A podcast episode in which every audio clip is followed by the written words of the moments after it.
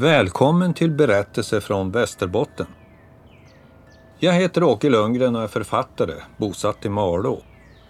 I ett tidigare poddavsnitt har jag berättat om hur och varför jag började skriva, vad det är som driver mig i författarskapet. Den här gången ska det handla om en pandemi som i vår tid fått en alldeles ny aktualitet. Spanska sjukan. För 30 år sedan skrev jag två romaner i ämnet. Spanskans år och fortsättningen Storspovens sång.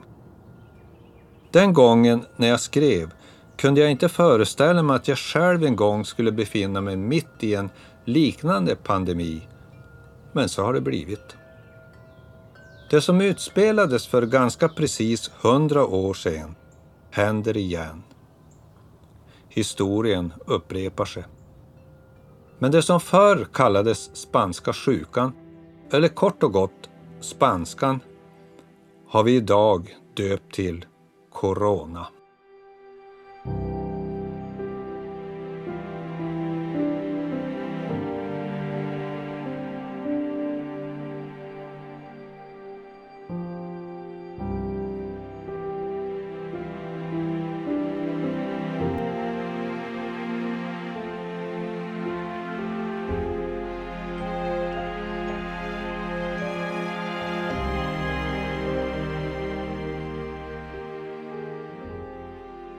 När jag var barn på 60-talet, framförallt när mamma och pappa hade skaffat körkort och folkvagnen, hände det att pappa stuvade in oss i bilen och berättade att vi skulle åka för att hälsa på de döda. Det lät märkligt förstås. Men vi lärde oss snart vad det innebar. Färden gick till Fällfors längst upp i Västerbotten, cirka fyra mil från mitt hem i Björnmoran i utkanten av Kusmark där vi bodde. Fällfors var pappas barndomstrakter.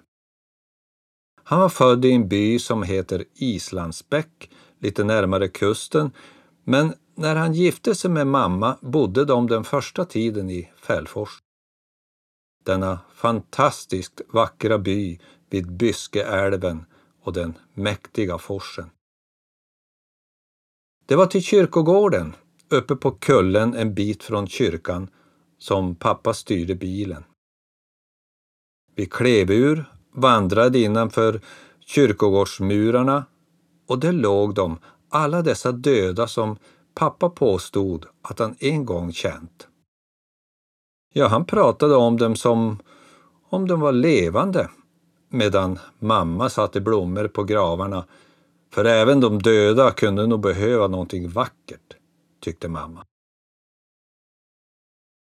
På kyrkogården låg farfar Hjalmar och farmor Linda och en syster till pappa som hade dött redan när hon var 17 år, Ingegerd. Det kändes lite konstigt. För jag kunde inte låta bli att tänka på min äldsta syster som hette likadant. Gravstenarna var små och oansenliga. Inget som stack ut. Men där fanns också en större grav med flera stenar. En av dem påminde nästan om en pelare eller ett monument. Samuelssons syskongrav. Här stannade pappa till för det låg hans mormor, Victoria. Och bland namnen som fanns inristade på pelaren hittade jag också Werner och Valdemar.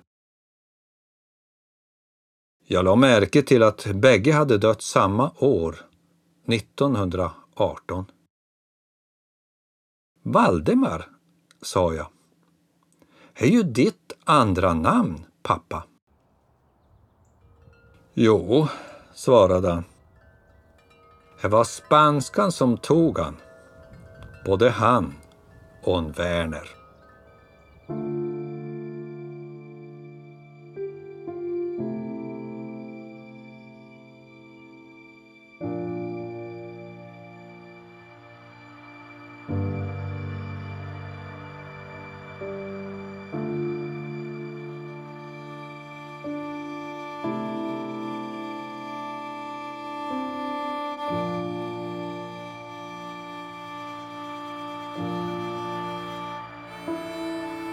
Verner och Valdemar Samuelsson var farmor Lindas yngsta bröder, pappas morbröder. 1918 var Verner 22 år fyllda och Valdemar 24. Bägge var sedan länge föräldralösa. Fadern Samuel Larsson hade dött ifrån dem 1897 när bröderna bara var några år gamla. Han blev bara 48 år. Och modern Victoria, som ensam fick ansvar för den stora barnaskaran, hade lämnat jordelivet tre år tidigare. Hon sörjdes då av tolv barn, två sonhustrur, fem mågar, arton barnbarn och tre syskon. Bröder som de var höll Werner och Valdemar ihop. Deras äldre syskon, fyra bröder och sex systrar, bland dem min farmor, hade redan hunnit bilda familjer och bosatt sig på olika håll i trakten. Werner och Valdemar bodde kvar i Fällfors där de hankade sig fram med tillfälliga arbeten, framförallt i skogen. Valdemar var dessutom trolovad, det vill säga förlovad, med en flicka som hette Anna.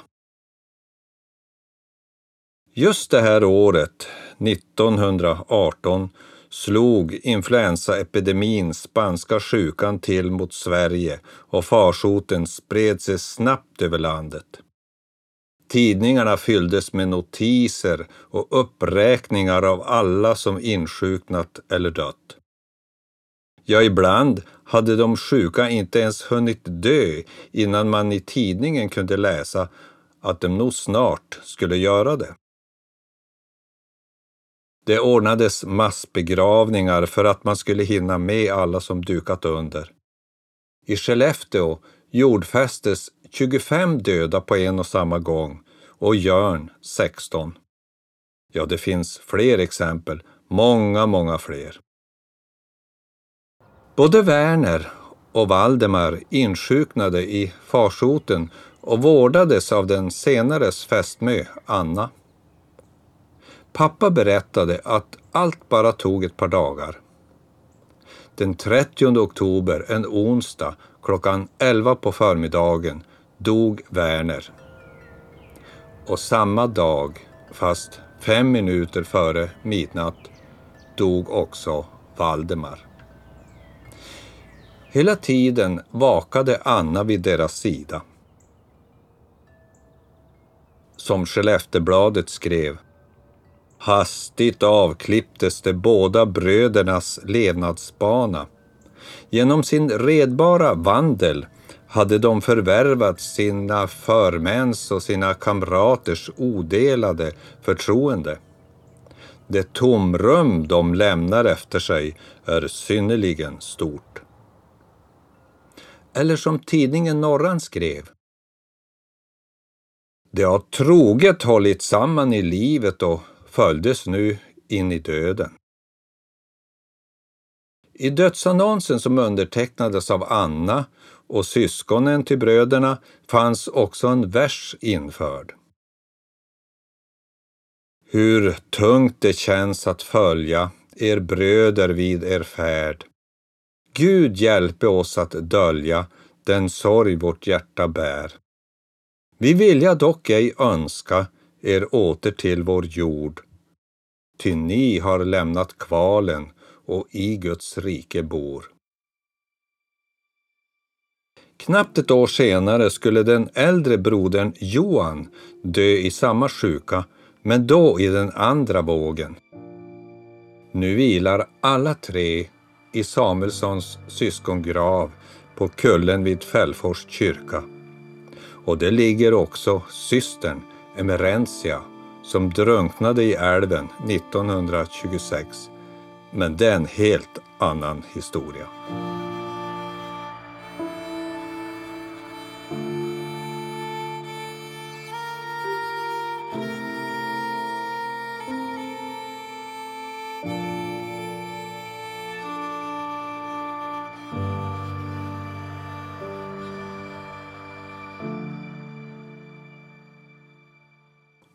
Pappa var bara två år när hans morbröder dog. Det var inget han mindes, men det som hade hänt hölls ändå levande. Då och då, eh, framförallt när vi hälsade på de döda, förde han saken på tal. Det var viktigt för honom, inget han tog lätt på. Han ville att jag skulle veta, föra det vidare, då skulle hans morbröder inte ha levat förgäves. När farfar hade dött, jag var tio år då, åkte pappa bort. Han kom tillbaka hem med en låda, några saker som farfar efterlämnat, de runda glasögonen med de tjocka glasen, några böcker, till ljus och kraft på livets stig och ett fotoalbum.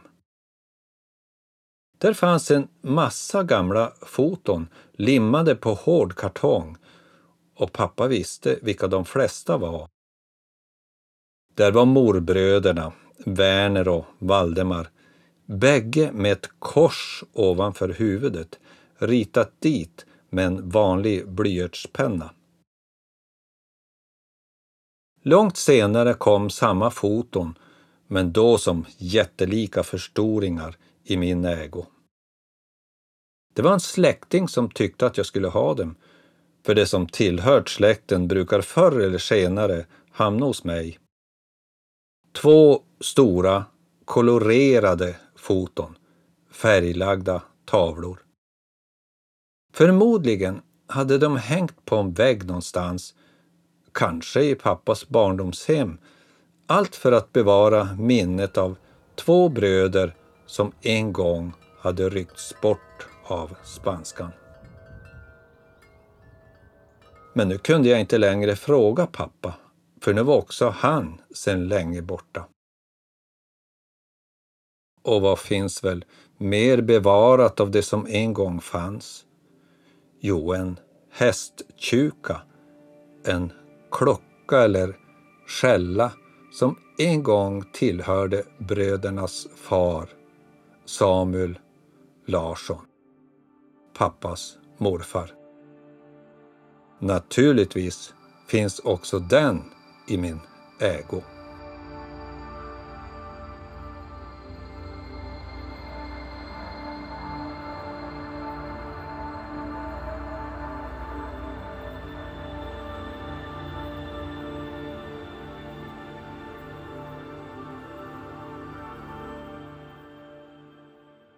I en annons i Dagens Nyheter 1918 önskade en journalist låna en skrivmaskin för att under två eller tre månader skriva en bok om spanska sjukan, hur man botade sig och hur man skyddade sig. Någon bok tycks aldrig ha blivit av, men 1987 började jag själv fundera på en berättelse i ämnet. Egentligen är det underligt att det dröjde så pass länge innan jag kom till skott. Jag hade ju alla dessa minnen från barndomen, spanskan som fanns i min egen släkt. Men det var så mycket annat som kom emellan som pockade på att bli skrivet först. Med min sjunde roman var det äntligen dags. 1989 utgavs Spanskans år och det berodde på en kvinna, eller egentligen två. Jag hade flyttat till Malå 1974, arbetade som journalist och hade kommit en bit med författarskapet. Jag hade träffat min fru Eva som var hemvårdare och som kväll efter kväll kom hem och berättade om en kvinna som hon besökte om dagarna, Helga Renström. Du måste prata med henne. Och när jag väl gjorde slag i saken var det oundvikligt. En ny berättelse började ta form i mitt huvud. Berättelsen om spanska sjukan. Ja, spanskan, som den väl mest kallades, blev världsomfattande. En influensaepidemi som påminner en hel del om vår tids corona. En tredjedel av jordens befolkning smittades. och den tog mellan 50 och 100 miljoner människoliv. Exakta siffror finns inte.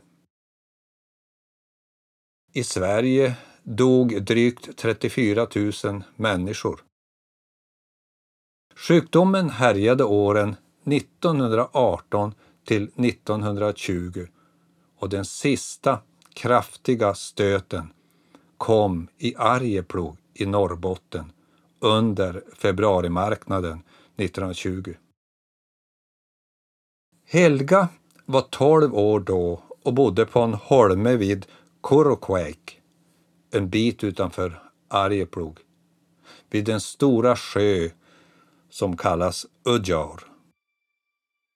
Helga är förebild till romanens Signe och det är mycket tack vare henne jag kunde skriva Spanskans år. Själv hann hon aldrig läsa boken. Hon avled innan den kom ut. Och då blev det ännu mer angeläget att skriva romanen Spanskans år.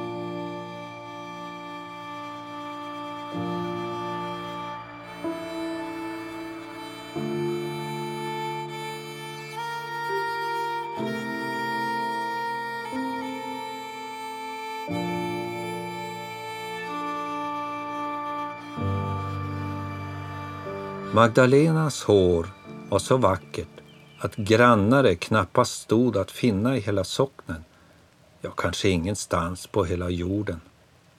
Det var tjockt och svart och mjukt, som ett levande väsen. Om kvällarna löste hon upp knuten i nacken, tog bort nålarna och hårspännet och lät håret falla fritt kring axlarna. Hennes långa hår var som en fäll av det slag som kärlekskranka karar gärna lutar sitt huvud emot eller som barn söker värmen och tryggheten i. Det var som en mjuk mossa som gav efter och formades till en skål kring den tröttes huvud. En form där varje utbuktning hos den vilande omslöts av kärlek.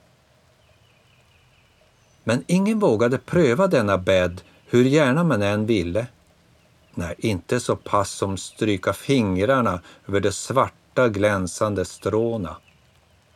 Det fick stanna vid önskan och tanken och drömmen. Magdalenas hår fanns till enbart för Daniel och barnen. Det rann som ett svalkande vattenfall ned över ryggen och räckte henne till midjan.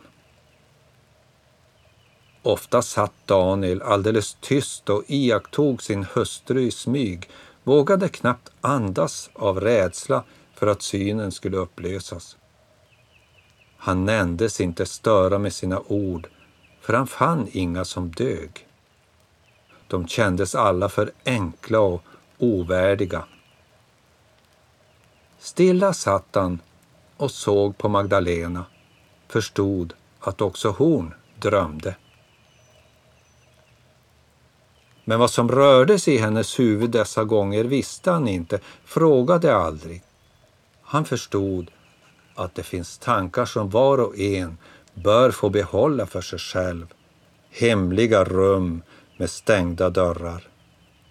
Dessa själens viloplatser som han själv ofta sökte. Kanske befann hon sig i ett sådant rum när hon om kvällarna satt på stenen utanför stugan och skådade ut över det stora vattnet i söder, det som kallades Udjaur. Kanske också när hon vilade vid spisen och såg in i de värmande lågorna. Daniel tyckte om att se henne så, att betrakta det sken som omgav henne på ett alldeles märkligt vis, att njuta av det lugn som vilade över hennes gestalt. Och barnen var lika betagna som fadern. De flockades kring henne som flugor kring sockret. De kivades, ja nästan slogs om vem som skulle få dra kammen genom den tjocka fällen. De ville alla vira moderns mjuka lockar kring sina små knubbiga fingrar. Också när Magdalena låg med slutna ögon inne i kammaren, när hennes mun var stum och saknade tröstens ord, satt barnen hos henne. De redde ut hennes långa svarta lockar och sa med en mun. Våran mamma har det vackraste håret i hela världen. Här finns inte grannar. Nej, ingerst.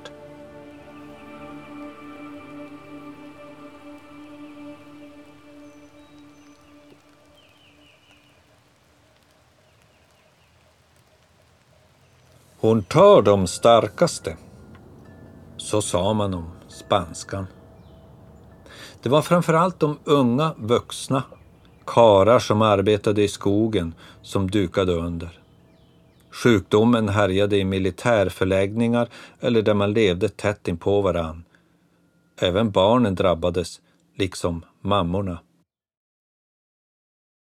När jag skrev romanen byggde jag den förstås på Helgas berättelser och minnen, men inte enbart.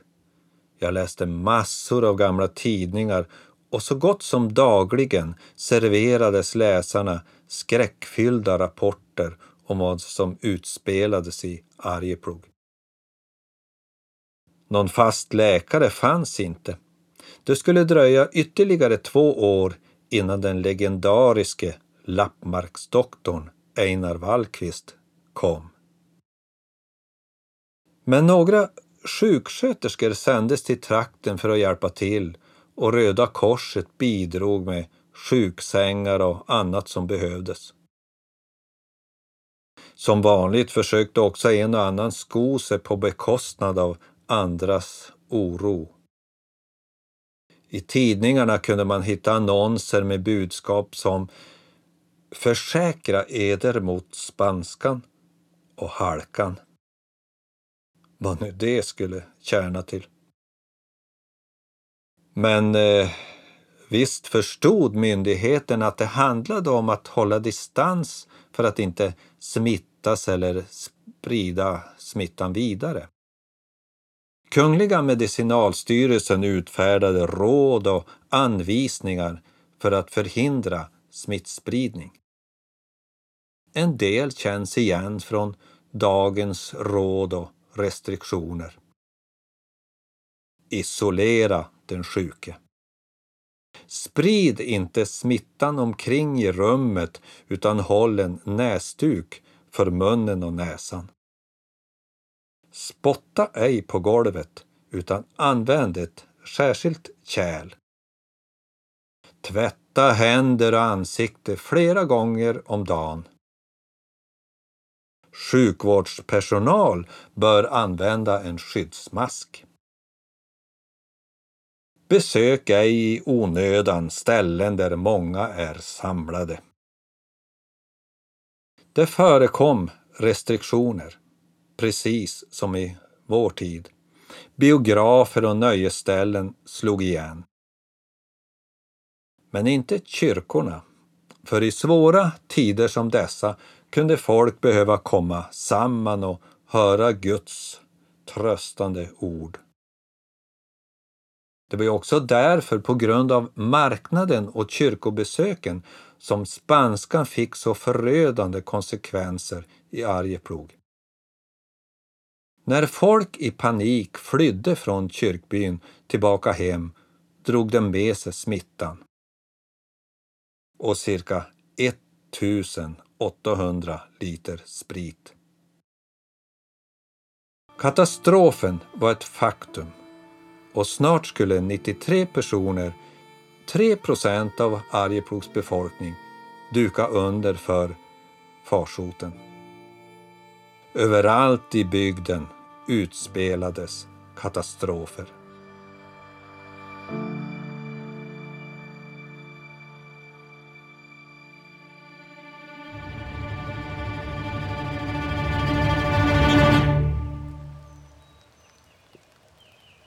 De förmådde inte lämna kammaren. Satt kvar där hos sin mamma, invirade i fällar och täcken. De vek inte en tum från hennes sida. Hålögda och förvirrade trängde de sig samman i den lilla kammaren och Safira läste ur Uppenbarelseboken och de tyckte att varje ord la sig som en sten inne i stugan. Och Safira sökte trösterika ord för att rucka på stenarna för att de alla skulle se någon mening i det som skedde och få ork att leva vidare. Men det var som om inget hjälpte, som om ingen tröst fanns att få. Orden växte till ett röse av samma slag som fadern rest på flera ställen där ute i markerna.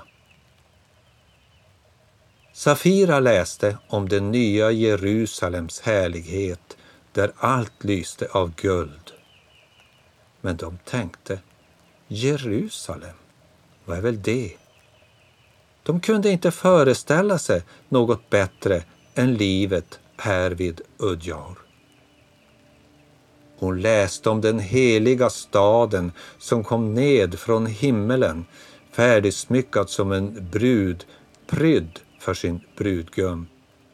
Men de tänkte, jag vill inte att mamma ska vara någon annans brud. Jag vill att hon ska vara här hos mig.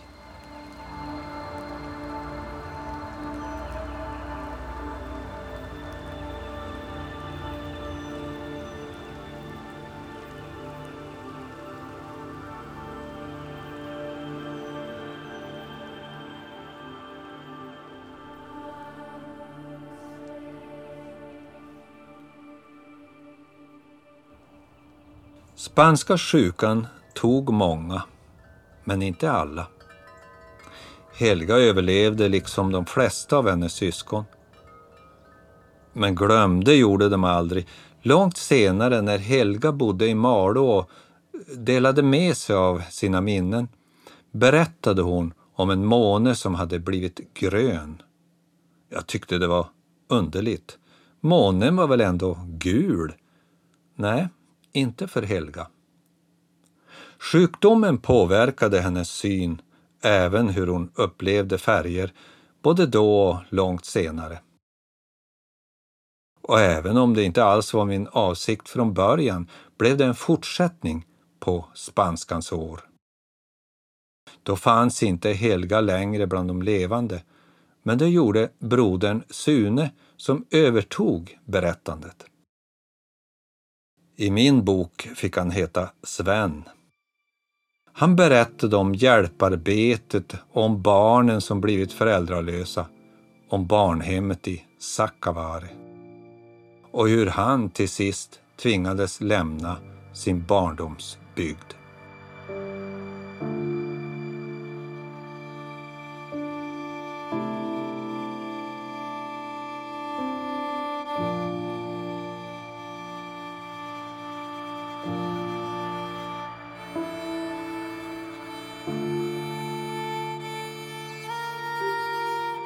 På järnvägsstationen i Jörn såg han för första gången ett tåg. Pappa hade berättat om dem så många gånger att han genast förstod vad det var. Allting stämde.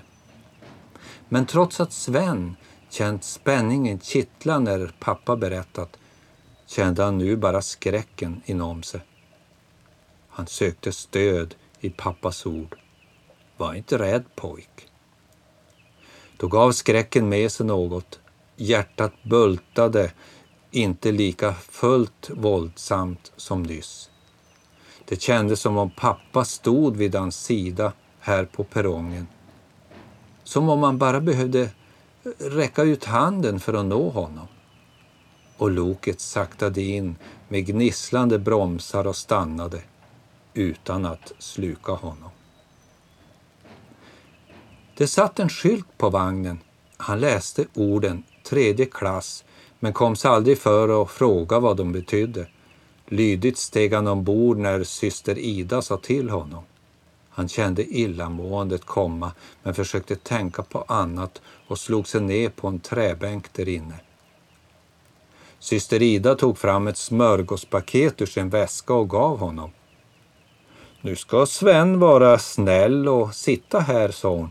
Sven får inte gå någonstans. Har Sven förstått? Jo, svarade han förvirrad. Men ska inte syster åka med? Ja, givetvis, sa hon och skrattade. Det är klart att jag ska åka med. Har inte sagt det. Men jag åker i en annan vagn, förstår Sven, i första klass. Jag kommer tillbaka hit när vi är framme. Till dess är Sven duktig och gör som jag har sagt. Sven nickade och såg ut genom det smutsiga fönstret. En man i stilig uniform steg ut från det stora huset, det syster Ida kallat för stationen. Mannen höll något i handen, något som liknade en spade men som knappast dög till att skotta med. Han vinkade med spaden i luften och plötsligt sattes tåget i rörelse. Då vände sig Sven om och märkte plötsligt att syster Ida hade gått. Hon hade lämnat vagnen utan att han sett det.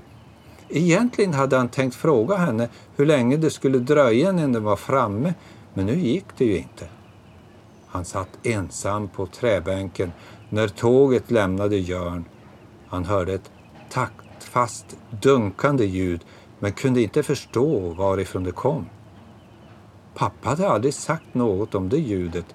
Det lät som om någon slog på en trumma och slagen blev allt tätare medan skogen rusade förbi utanför fönstret. Oändliga skogar och myrar avlöste varann. Det var mycket att se och han glömde snart bort tiden. Tågen for fram över broar och älvar. Ibland stannade till vid en station. Människor steg på och av och ibland satte sig någon i samma vagn som han. Men det var ingen som pratade med honom och för det mesta var han ensam. Varje gång som tåget bromsade in trodde han att syster Ida skulle komma. Var de inte framme snart? Hur långt var det egentligen? Varför kom hon aldrig? Tänk om hon hade glömt honom. Han satt och grep kring smörgåspaketet, vågade inte röra sig ur fläcken. När mörkret föll satt han fortfarande på samma vis, men när magen började kurra och hungern gjorde sig påmind vecklade han till sist upp pappret och tog sig en smörgås. Han tuggade långsamt och omständigt för att den skulle räcka länge och för att ha något att göra. När smörgåsen var uppäten vågade han inte ta den andra. Tänk om den behövdes sen, om resan blev så lång att han tvingades svälta. Han vek tillbaka pappret kring den återstående smörgåsen, beslöt att spara den så länge som möjligt för säkerhets skull. Pappa skulle säkert ha gjort likadant, tagit det säkra före det osäkra. Han var fruktansvärt törstig, men hade inget att dricka. På väggen satt en stor glasflaska som såg ut att innehålla vatten, men han vågade inte resa sig för att gå dit. Syster Ida hade ju förbjudit honom att gå någonstans. Han satt kvar och svalde gång på gång. Han läste orden på skylten. Spotta ej på golfet. Tåget krängde i kurvorna. Det gjorde honom trött. Huvudet kändes tungt av alla nya intryck. Ögonen ville falla ihop och han längtade efter att sova. Men inte heller det vågade han. Hela tiden satt han på bänken och väntade. Nu var han kissnödig också. Kom inte syster Ida snart? Var de inte snart framme? Han skruvade på sig och försökte tänka på annat, men det gick inte. Det blev bara värre. Till sist förmådde han inte längre hålla sig. Till sin förskräckelse kände han att han kissade på sig. Det rann iför byxbenet, ned i ena kängan. Bänken blev blöt. Han befann sig i gränslandet mellan vakenhet och dröm, ryckte med ens till när han hörde en röst. Det dröjde en stund innan han begrep att det var hans egen. Pappa, var är du?